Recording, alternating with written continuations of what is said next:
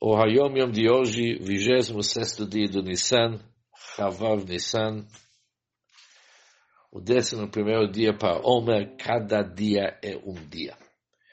De uma do meu pai, o Rebbe Rashab, sobre o versículo, ורחץ את בשרו במים ולבשם. A Hassidut exige que a pessoa lave a sua carne nas águas. Então ele pode vestir as vestes sacerdotais, ou seja, o conteúdo intelectual da Hassidut. Deve lavar sua carne e enxaguar o que é secundário a ele, que é chamado tafel aquele que é secundário à carne, remover todos os hábitos ocasionados pela carne, então pode se vestir as vestes sagradas. Pensar sobre Hassidut, debater e falar de Hassidut e a prática, é a prática dos Hassidim de meditar antes da oração. Ou seja, ele menciona três assuntos aqui. Debater e falar de Hassidut e a prática dos Hassidim de meditar antes da oração são vestes sagradas.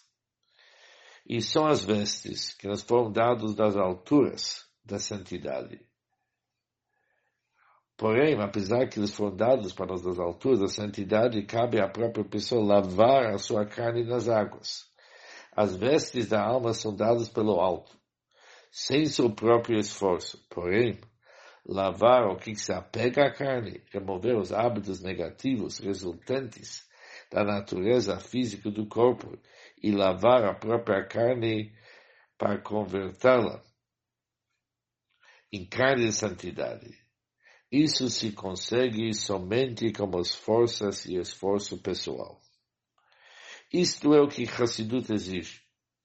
Foi por este ideal que o Alter Rebbe sacrificou-se com total abnegação ele abriu o canal para Messirut Nefesh, auto-sacrifício e devoção total. Para servir Deus através da oração e unir-se à essência do Ensol do infinito. Ele termina com as palavras, Hassidut coloca o Hassid cara a cara com a essência do Ensof. Para entender um pouco a Yom Yom de hoje, a explicação aparentemente é o seguinte.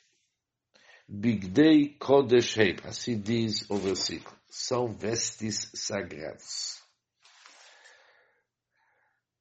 O Hassid não deve inventar ou criar os levushim, as vestes com quais que ele trabalha. Esses vestes sagrados ele recebe como presente do Kodesh, do Deus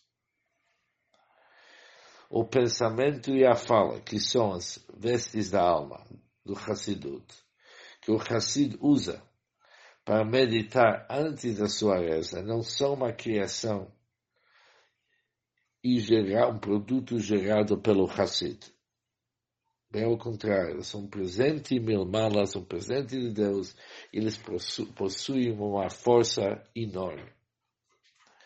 Mas apenas vestir vestes sagrados não é suficiente. O Hassid tem que continuar o que diz o versículo, lavar sua carne em água. Aqui está escrito a palavra et. Daqui a pouco vamos entender o que é et besaro. Maim, água, representa a Haskalah de Hassidut.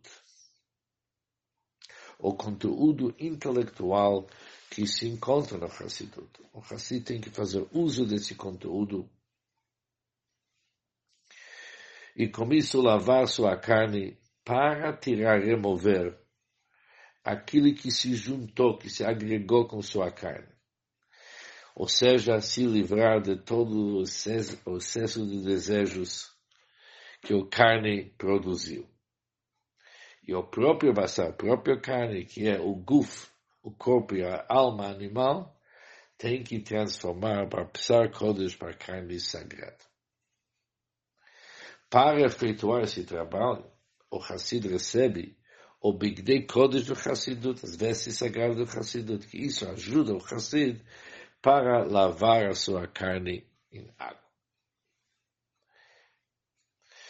O processo da lavagem, lavagem da carne em água, isso se consegue através de Msirut Nefesh, auto-sacrifício para Hashem, como Tfilah, Bavodat, Shem na sua reza. Quando o Hassid reza conforme as orientações do Hassidut, ele remove aquele que se juntou com sua carne, esses hábitos ruins, ele santifica o seu bacer, sua carne, e com isso ele merece se conectar com Ensof como essência de Deus. E para isso, o Alto Rebbe teve seu Messirut Nefesh, seu alto sacrifício. Somando as palavras, Hassidut coloca o Hassid cara a cara com a essência do Ein Sof. O bom dia para todos e muito, muito sucesso.